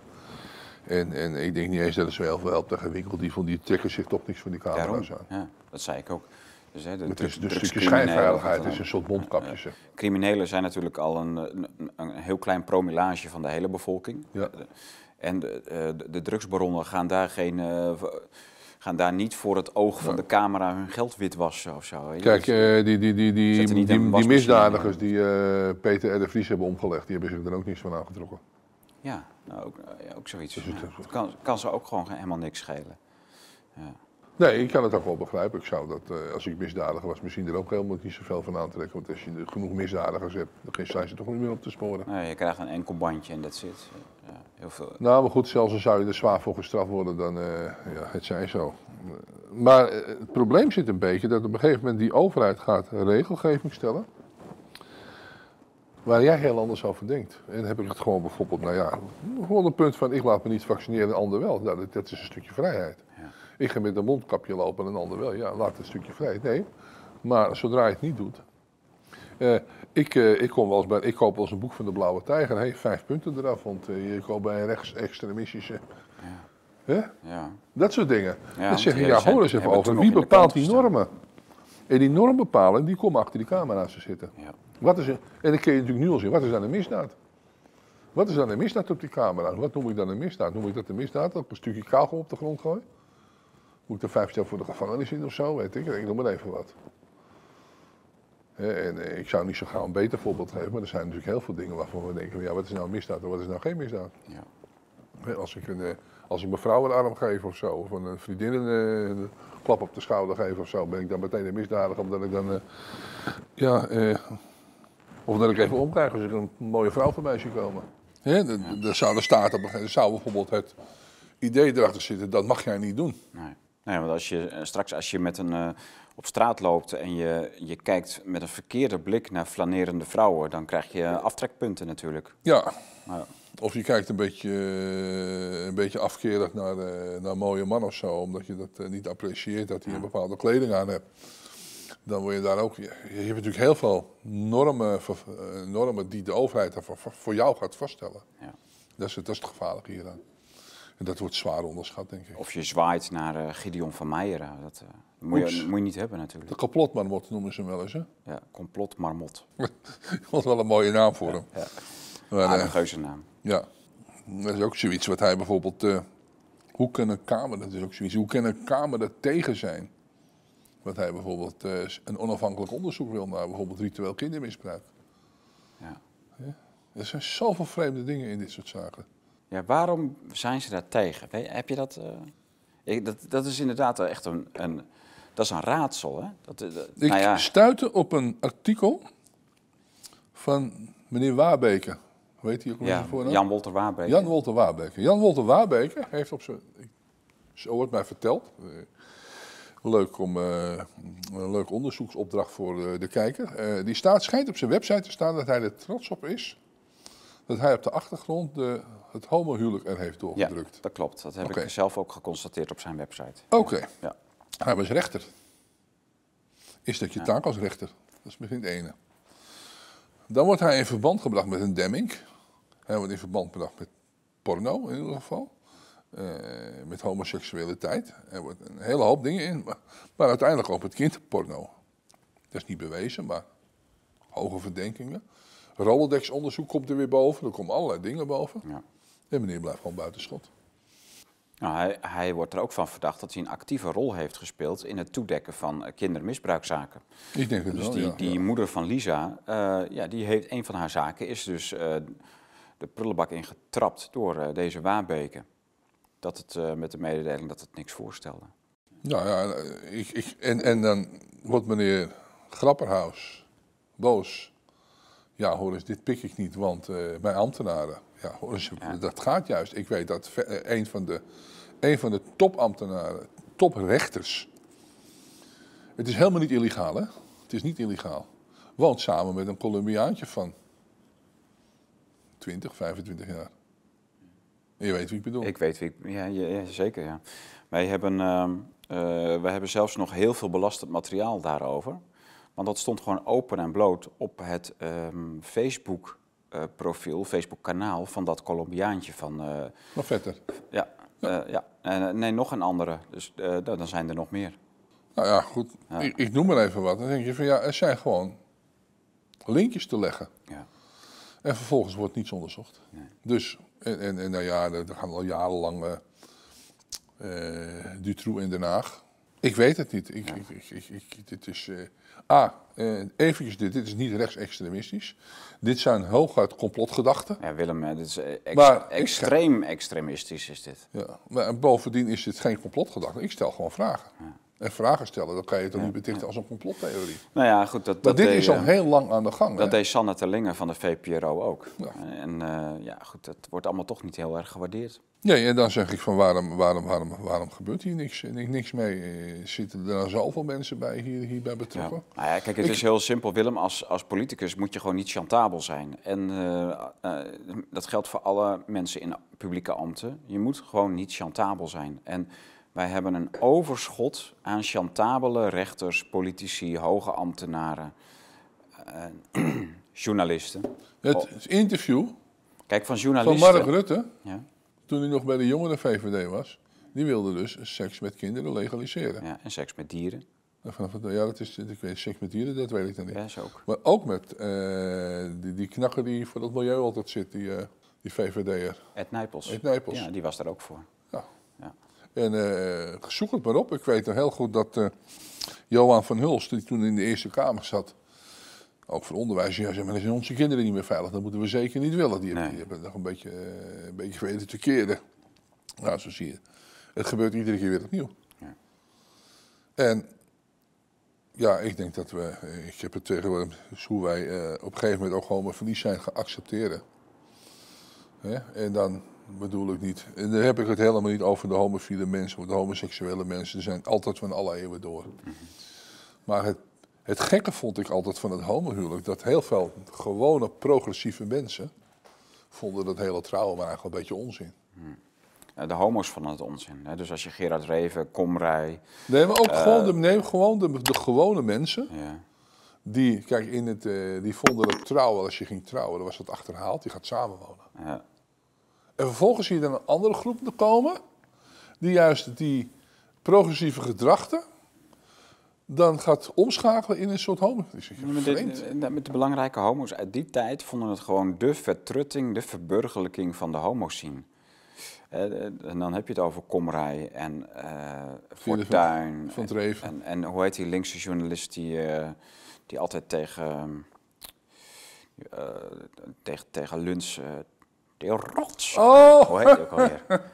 Ja, die Indo Indo Indo dat is geweldig. Oh, die luisterde ik vroeger altijd. Die, was, die was, Indonesië. Ja, die was veel op de radio. Nou, ik weet niet of het een Indonesië... Maar hij heeft daar veel uh, gedaan voor Suharto.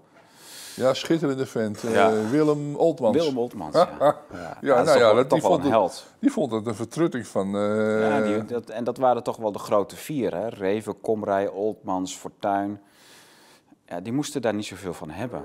En... Um, met alle respect, maar eh, ja, homoseksuele relaties zitten ook niet zo in elkaar. Ja, maar het is heel grappig dat je dus ziet, wat is, een, wat is nou een huwelijk? Hè? Een huwelijk is een, eigenlijk niets anders dan een traditioneel, bij, bij uitstek, joods. Christelijk. Christelijk, is zelfs islamitisch. Ja. Uh, het is niet alleen een contract, het is veel meer dan dat. Het is een joods-christelijke en ik, ik, durf hier ook de islam wel bij te betrekken, uh, religieuze instelling. Ja.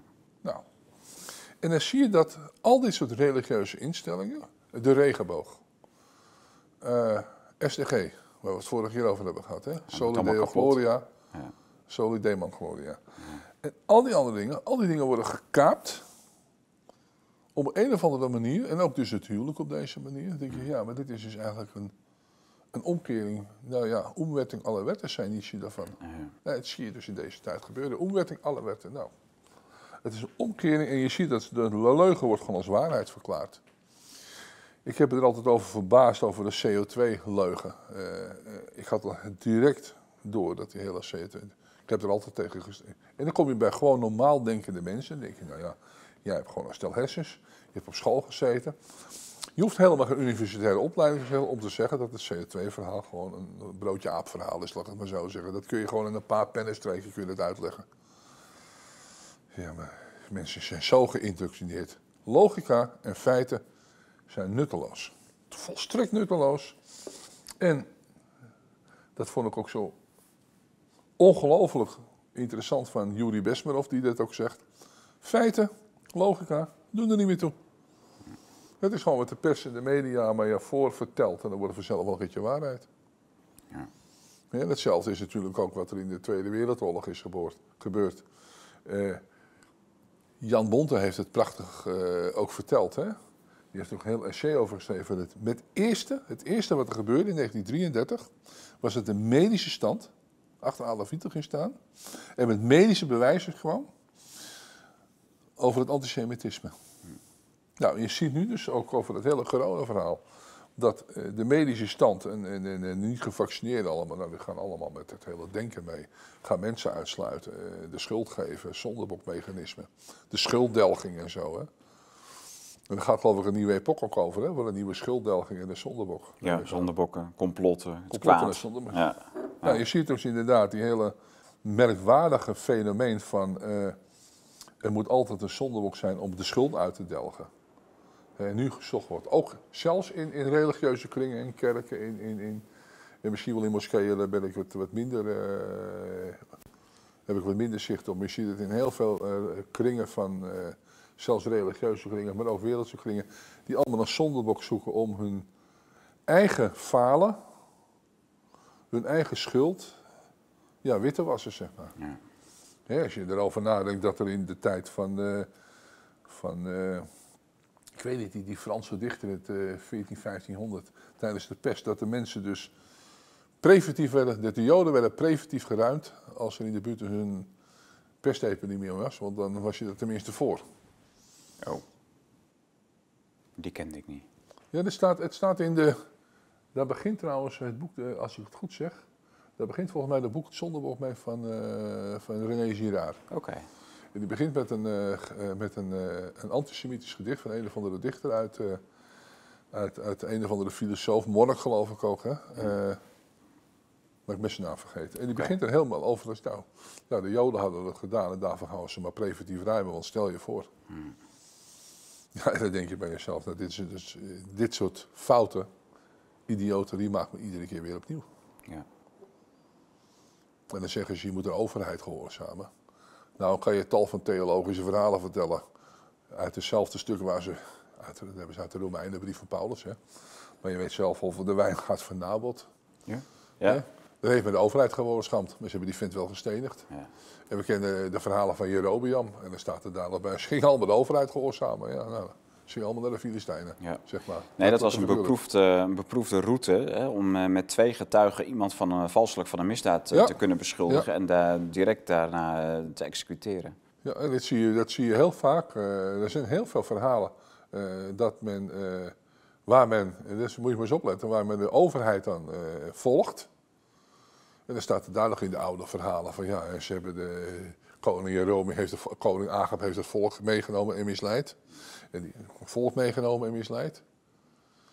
En dan zie je dus, zie je dus uh, zie, zie, je dit soort effecten, dit, dit, dit soort tafereelen zie je steeds weer terugkomen. Ja. En nu zie je het ook weer, hè, van de, overheid die misleidt gewoon een heel volk en uh, ze gaan er allemaal in mee. En, uh, en dan zegt direct die Hans Siepel, er zit wetenschap, zitten ze kennelijk op de troon van, van datgene wat ze, ze, denken, ze denken in God te geloven, maar ze geloven in de wetenschap en meer niet. En meer is het niet, het is flinterdun geworden. Ja. Ik leg jou nog even wat anders voor, Willem.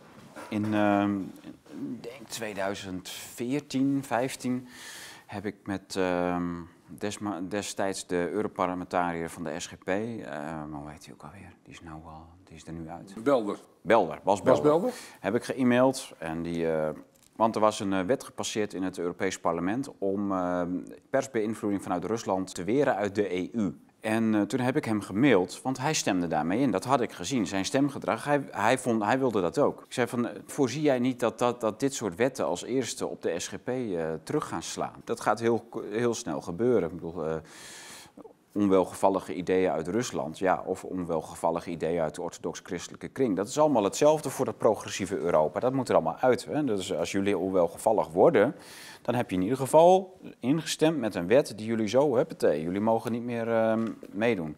Nee, dat gevaar was er allemaal niet, dat speelde allemaal niet zo erg. En, uh, maar de Russische inmenging in de westerse media was heel erg. Nou, toen kregen we dus, daarna kregen we allemaal fake nieuws over dat uh, Moskou actief in Nederland het MH17-debat uh, zou beïnvloeden. dan hebben we Erik van der Beek en Max van den Berg. Dat is allemaal gewoon fake nieuws. Zo, dat is ongegrond, maar dat die verhalen die kwamen gewoon vanuit de overheidskringen. Rechtstreeks gingen dat de media in als zoete broodjes. En nu heb je dat dan met uh, Forum voor Democratie, met uh, ook weer de Blauwe Tijger. Uh, wordt allemaal rechtstreeks aangemerkt als directe Russische beïnvloeding. En Moskou zit in, de, in de Nederlandse media. Ja, ik heb hier net twee Russen in ontlopen. ja, nee, ja, we hebben een kelder vol met geheime... Nee, maar goed. Met Pagalastikoffs aan de muur. Maar Van der Leyen zegt gewoon van de week doodleuk. Uh, ja, we gaan die wet nu in werking stellen tegen uh, Russische outlets, media-outlets, die actief zijn in de Europese Unie, zodat ze onze democratie niet meer in gevaar kunnen brengen. Ja. Lekker hè?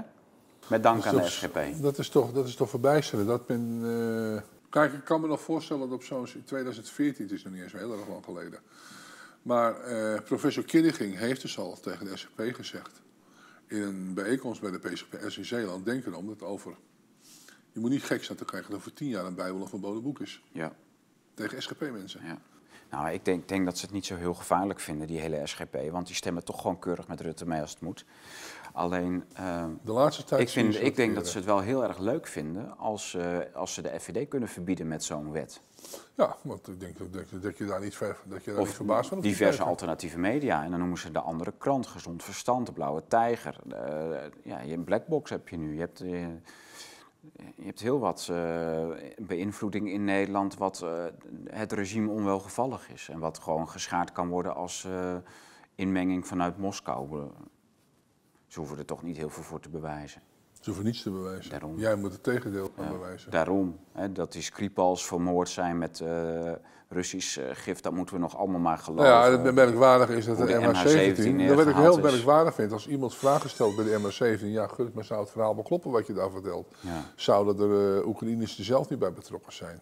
Dan krijg je als tegenargument, dat is niet respectvol naar de slachtoffers. Ja, ja ik zou niet weten waarom niet. Nee, maar dat dus, uh, die gaat proberen de waarheid boven tafel Ja, precies. Er wordt altijd een emotioneel argument van stal gehaald om uh, de waarheidsvinding hetzelfde als jij een waarheidsvinding in de weg te zitten. Ja. Als jij een waarheidsvinding doet, al, al, ben je er fout mee, dat maakt niet zoveel uit, maar jij doet een waarheidsvinding, je stelt vragen, dan ben je extreem. Ja. Ja, hetzelfde als nu met hè, die hele oorlog in Rusland. Daar moet je afgewogen en rationeel over nadenken. Uh, en wat er voortdurend gebeurt is, uh, je bent een Poetin-vriend, je bent een, uh, een troll van Rusland, je bent onrespectvol naar de Oekraïners.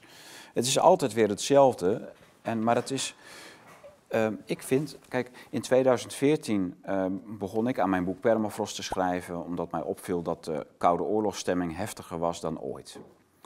En toen, in die tijd, zeiden diverse mensen dat de Koude Oorlogsstemming zelfs veel heftiger was dan in de Koude Oorlog zelf.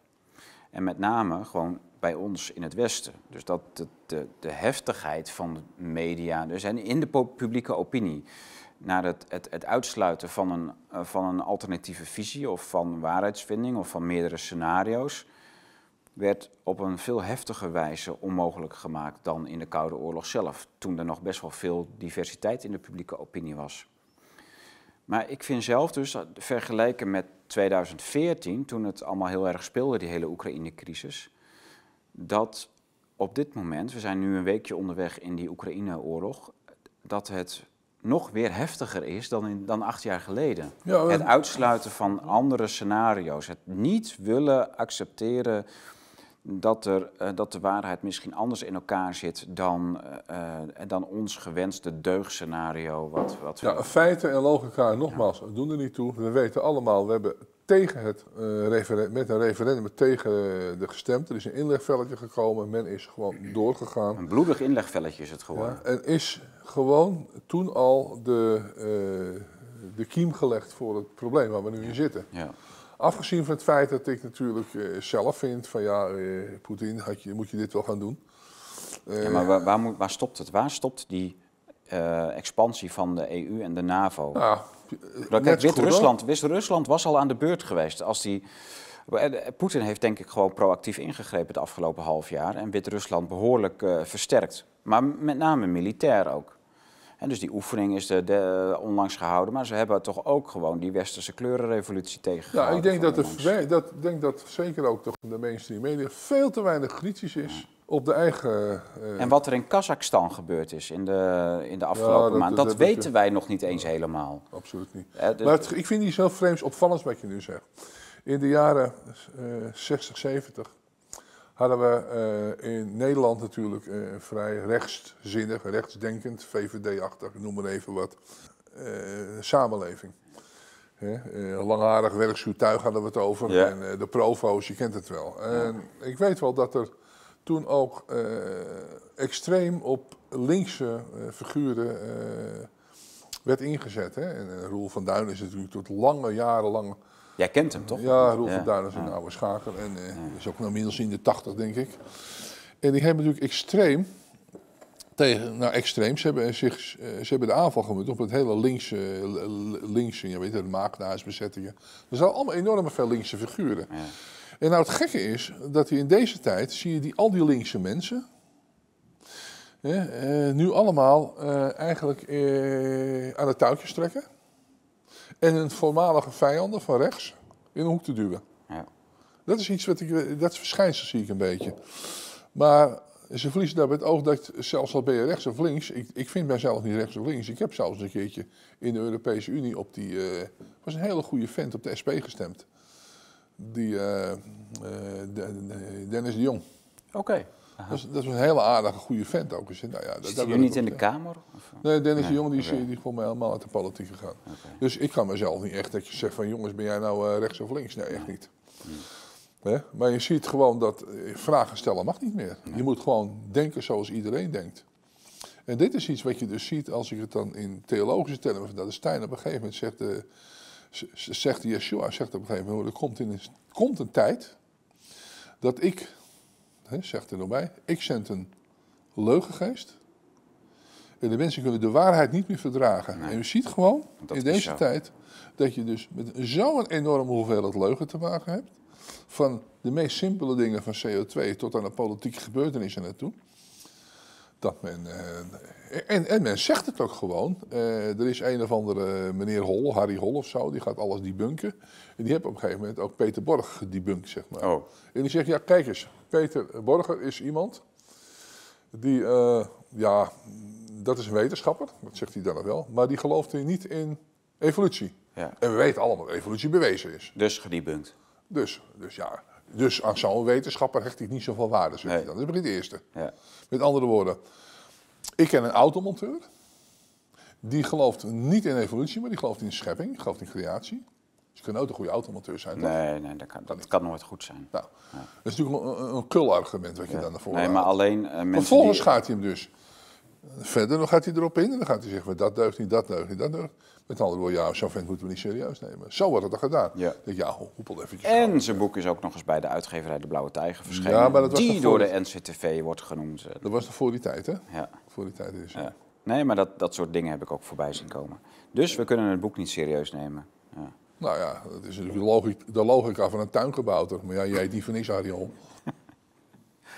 Heet hij echt zo? Ik heb, ik heb hem nog nooit gezien. Nou, ik heb hem wel een paar keer wat, wat zoiets voorbij zien te komen. Ik nou, alsjeblieft op zich. Dit is gewoon een leuter, leuter verhaal. Maar nogmaals, daar kun je wel tegen ingaan. Mhm. Je kunt er wel tegen schrijven. Je kunt tegen al dat soort mensen met argumenten komen. Ik ken heel veel goede, goede kennissen, vrienden, noem maar op.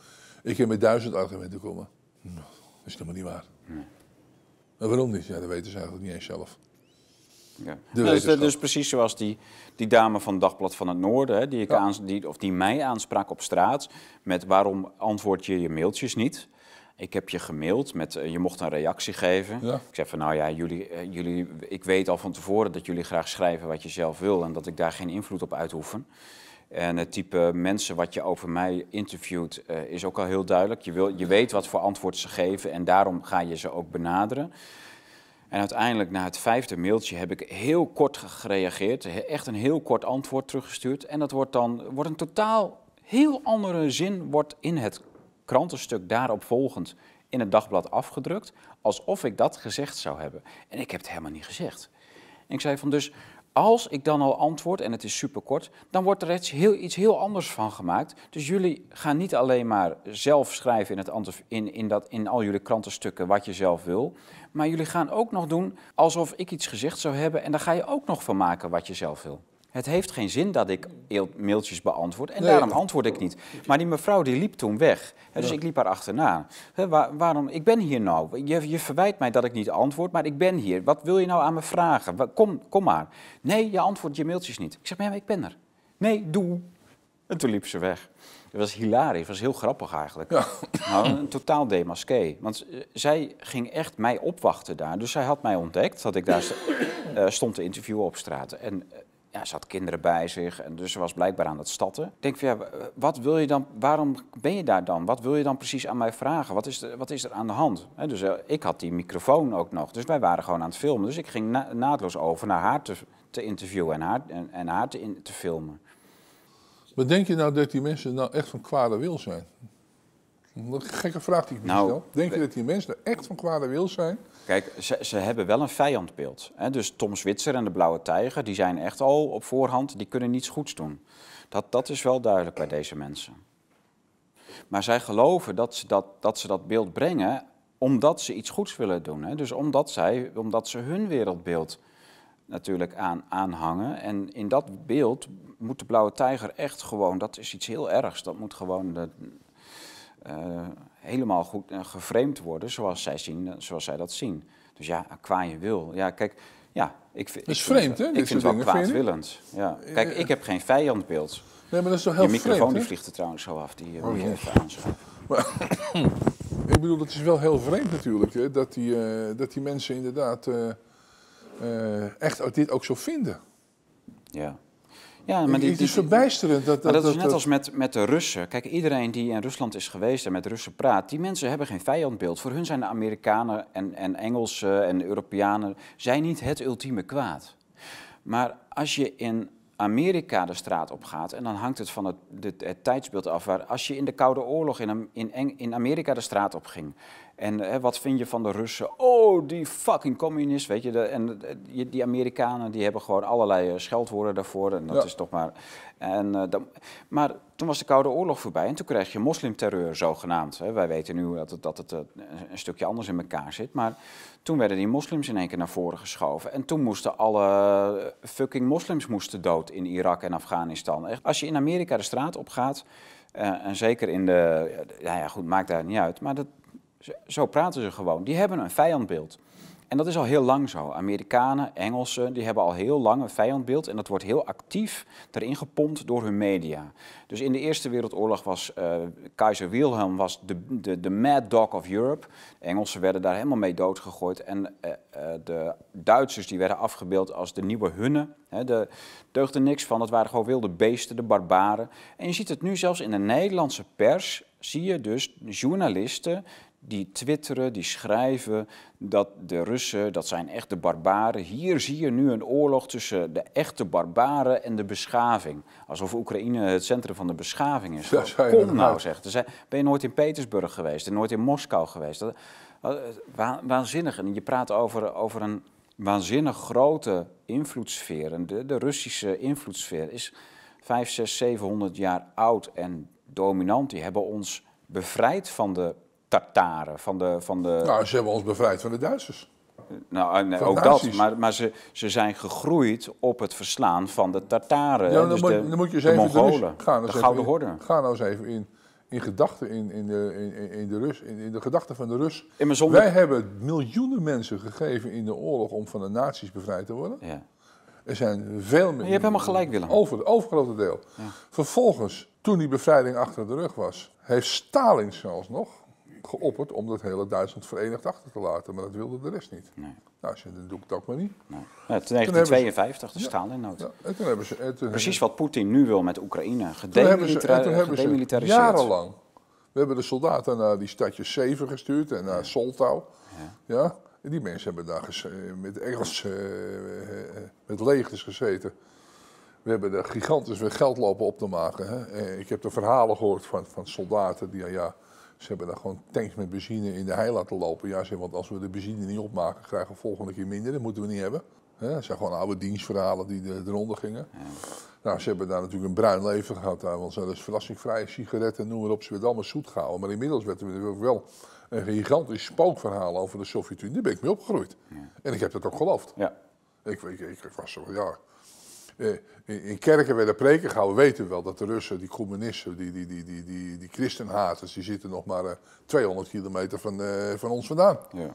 en ze kunnen elk ogenblik invallen. Ja, maar precies ja, zo ik op een gegeven moment zelf vaak in Oost-Europa kwam. Toen dacht ik, ja, moet luisteren, die zijn oude kleren zo.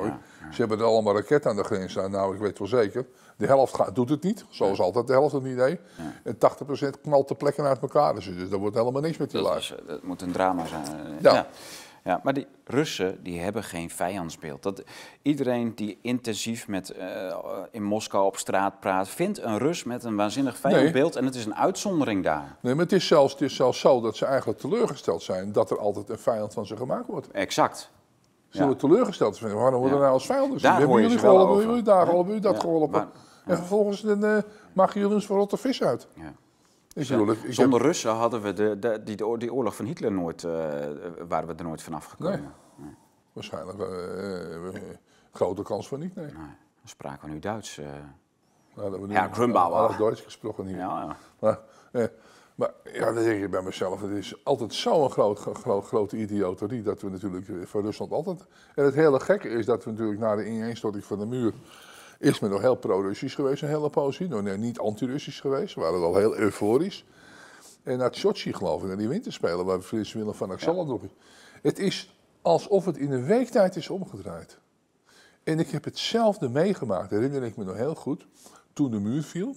Voordat de muur viel, waren de communisten, de, had je de linkse pers. En de, communisten, dat was uh, helemaal zo slecht nog niet. Uh, dit, Toen viel die muur.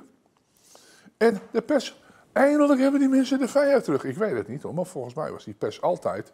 Heel erg links. Heel erg links. Ja. En opeens, ja. eindelijk hebben die mensen de vrijheid terug. En je wat heb je nou jarenlang van tevoren dan gedaan? Dan was het nooit een probleem. Dat is heel merkwaardig. En je ziet dus dat deze linkse pers, die, hebben, die zijn eigenlijk een speeltje kwijtgeraakt. Dat is een beetje mijn gedachte. Hè? Die zijn een speeltje kwijtgeraakt. Ja. ja, we moeten toch wel iets hebben. Toen hebben ze dat klimaat gekaapt. Dan konden ze met een linkse speeltje weer verder. Ja. Eigenlijk zoiets, zoiets bespeurde ik een beetje. Oké. Ja. En zodra je het niet met ze eens bent, ben je rechtsextremist. Ja. Nou, ik heb niet de indruk dat, dat ik hier, uh, dat, dat zo'n Flavio Paschino bijvoorbeeld, dat het een rechtsextremist is.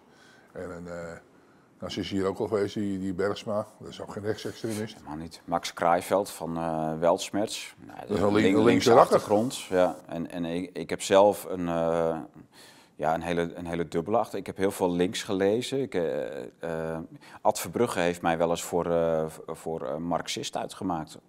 Omdat ook ik nog. het... ja, ja. Je doet het ook nooit goed, hè? Nee. En dat, ik vond het wel grappig, hij zelf ook. We, zijn, hebben, we hebben een goede verstandhouding.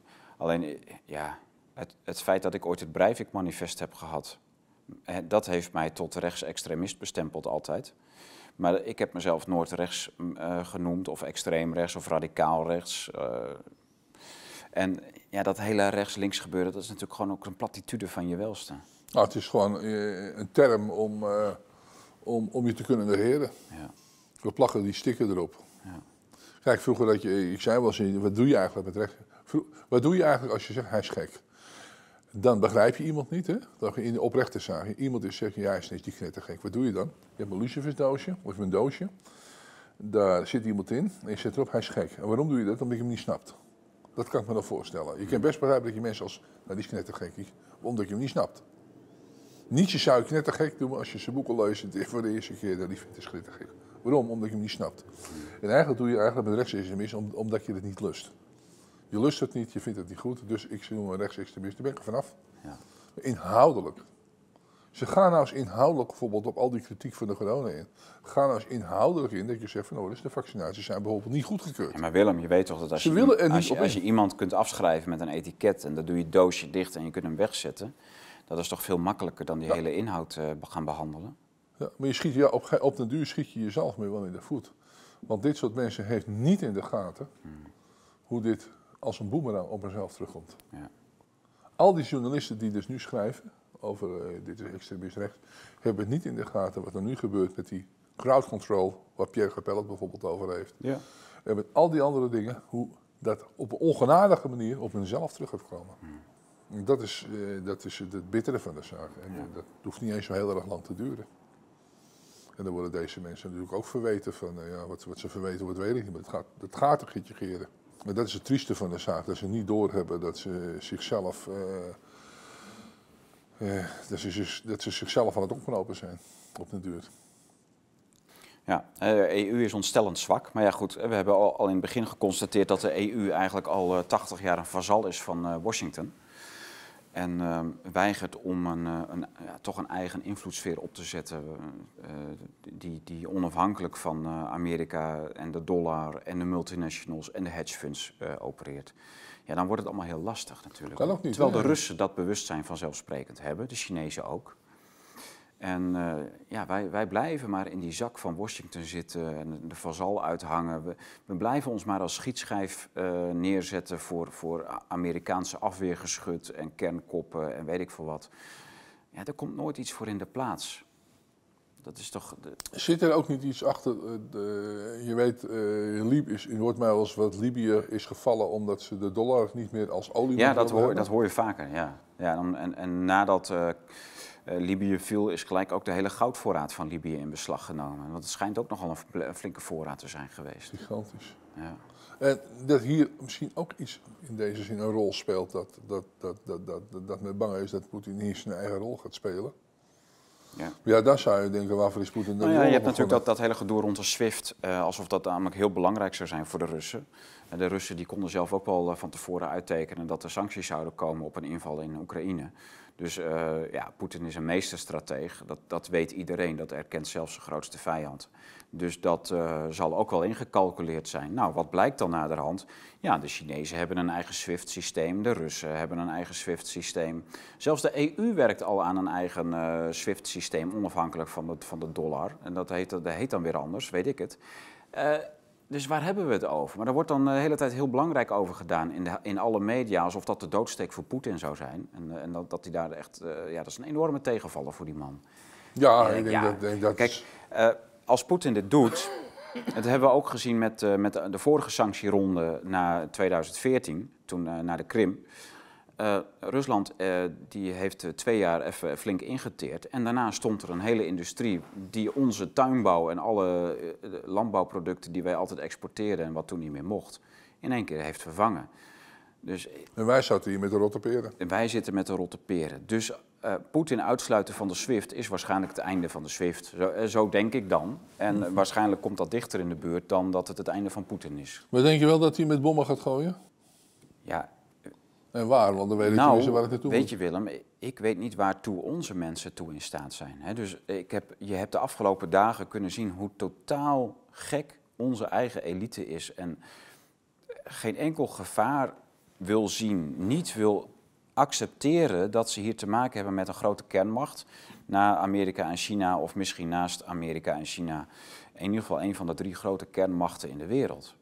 En dat je dan maar gaat lopen dreigen. Die Engelsen ook weer. Die, die, liepen al een, die lopen al dagenlang terug te dreigen met ingrijpen, met, met mensen sturen. Er zijn alweer uh, special op troepen gestuurd vanuit Engeland richting Oekraïne die dan mee gaan vechten. Dat zijn allemaal oorlogsverklaringen. Maar je, krijgt toch, je gaat toch niet sollen met een, met een van de drie grote kernmachten in de wereld? Maar je gaat, toch niet, je gaat toch niet je eigen soldaten als kanonnenvlees. In deze, hebben ze het over deze tijd.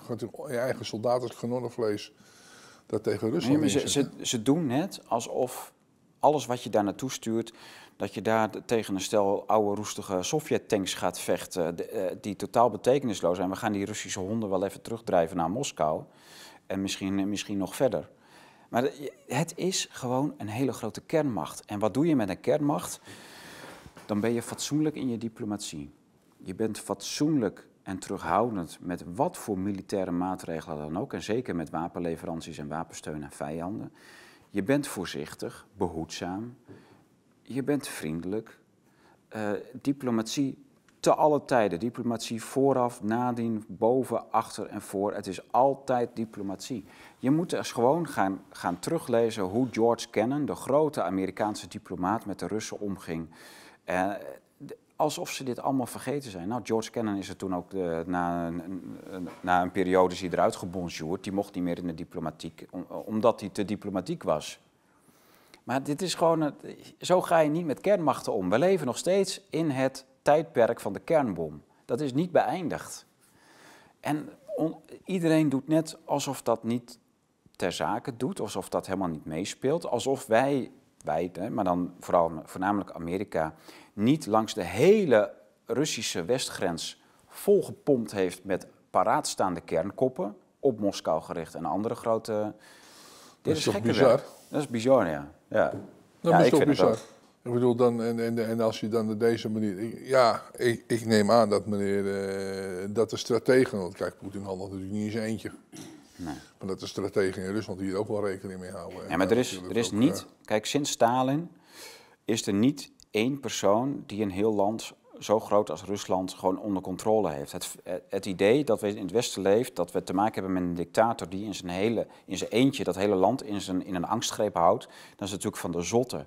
Zo'n land hou je niet in je eentje bijeen. Dat kan niet. Je moet, je moet brede steun hebben van alle relevante partijen in zo'n land. Je moet brede steun hebben van de hele bevolking. En Russen zijn heel open in hun kritiek over Poetin. Dat weet iedereen die in Rusland is geweest. Als je vraagt van wat vindt u van Poetin, je vraagt op straat van nou wat vindt u daarvan en zus. Nou, dan zijn ze kritiek. Er komt eerst een hele hoop kritiek wat er beter kan en, en dat hij niet goed is zus en niet goed is zo. En dan vraagt je van, nou, maar, steunt u dit beleid? Steunt u Poetin in de, het regeringsbeleid? 80% van de Russen, 90% zegt gewoon ja, ergens daartussenin.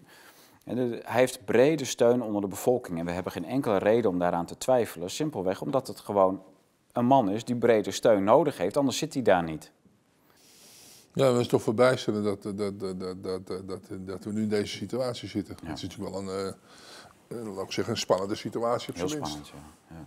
Nou ja, en uh, het, het, zorgelijke is nu echt hoe de EU uh, eigenlijk zich in de zak laat, uh, ja, laat, laat zetten van, de, van het grote geld en van de, de multinationals, de hedge funds die belangen hebben in dat land. En dat ze nu waarschijnlijk in heel in no time dus Oekraïne lid maken van de EU en of de NAVO. Zodat ze zichzelf verplichten om terug te vechten tegen de Russen. En dan, dan heb je gewoon dan heb je een kernoorlog. Dat kan, dat kan niet anders. Dat, dat, is, dat is het ergste wat er nu kan gebeuren, is dat de EU echt zegt van ja, uh, Oekraïne is vanaf vandaag lid van de EU. Ja, en nogmaals, het meest corrupte land, als je, als je weet wat daar een land, waar, een, een, land waar al acht jaar burgeroorlog in de achtertuin zit, waar mensen al acht jaar lang in dat gedeelte van het land in schuilkelders, schuilkelders leven, die gebombardeerd worden bij het leven. Dat zijn grote industriële streken, Donetsk en Luhansk twee uh, oblasten die, uh, die industrieel in een hele, uh, ja, dat was allemaal hoog ontwikkeld. Maar nogmaals, ik ben er heel weinig thuis in. Ja, het is wel zo dat als je in Roemenië en Bulgarije, als je hoe corrupt dat is. Ja. En die corruptie die is niet zomaar weg. Nee. Joh, Italië. Ga daar nou eens even kijken. Je microfoon moet je even weer. Oh jongens. Hoppa. bijvoorbeeld alleen maar naar Italië al kijkt. Ik bedoel, dat was... Ja, het gaat misschien... En dan zeg ik er daar misschien bij op, op, op, op mijn niveau, waar ik ze wel eens tegenkwam. Vroeger kwam je met een, uh, met een, uh, briefje van uh, 1000 lira of, of 10.000 lira in je, in je rijbewijs, kwam je er nog wel vanaf. Dat is niet meer. Ik bedoel, die corruptie is er wel een beetje bestreden, maar het, al het andere op, op, andere vlakken. Nou, schijn het uit, joh. In, in Oekraïne kom je met een slof sigaretten nog een heel eind, denk ik. Ja, ja. Een fles wodka. We gaan uh, naar de derde helft, Willem. Vind het goed? Derde we hebben al heel veel uh, gezegd en besproken. Oh. Tenzij je nog onderwerpen hebt. Maar, nee, maar de derde helft, wat voor derde helft heb je? Nou, we gaan toch een fles wijn opentrekken. Oké. Ja?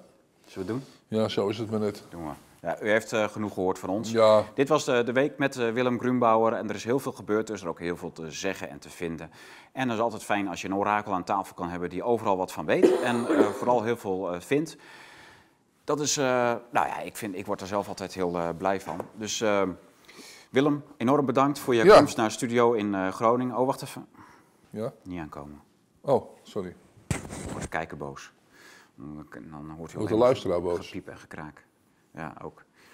Uh, we gaan nu bij een volgende keer weer uh, terugzien. Uh, uiteraard, Rusland-Oekraïne is heel belangrijk in onze studio en ook al in ons boekenfonds van de afgelopen acht jaar. We hebben er veel over uitgegeven. U kunt naar www.deblauwetijger.com winkel. Daar treft u een heel mooi rijtje boeken geopolitiek aan die allemaal over dit soort thema's gaan. En vooral Rusland-Oekraïne is heel belangrijk in dat rijtje. En het boek van Poetin. Ja, Poetin, ja, binnenkant van de macht. Van, ja, van Hubert Seipel, dat een Duitse sterauteur, een goede journalist. Die heeft uh, heel wat tijd gestopt in het uh, doorgronden van Poetin. Hij heeft ook heel lang in zijn gevolg uh, verbleven, een jaar of vijf. Kent hem van haven tot gort, heeft heel veel interviews met hem gedaan. Daarop heeft hij een boek geschreven, Poetin, de binnenkant van de macht. Verkrijgbaar bij ons in de webwinkel en waarschijnlijk heel snel toe aan een nieuwe druk. Ja. ja. Ja, zo gaat dat. Bedankt voor het kijken. We zien u heel graag bij de volgende terug. U kunt uh, zich registreren op bluetooth.studio, want dan krijgt u updates van nieuwe uitzendingen op Bluetooth uh, die wij hier houden. U kunt meediscussiëren in de comments. U krijgt ook post, nieuwsbrieven. U krijgt ook post op de deurmat, één of twee keer per jaar. Uh, is allemaal heel leuk, maar het belangrijkste is dat wij dan met elkaar, u en ik, contact houden. En dat buiten YouTube om, buiten Facebook en Twitter om. Want dat gaat natuurlijk allemaal minder worden. Big Tech is machtig en het directe contact tussen u en ons is heel belangrijk. En daarom dient die nieuwsbrief. U kunt zich inschrijven en registreren en dan zien we u daar terug. Tot ziens.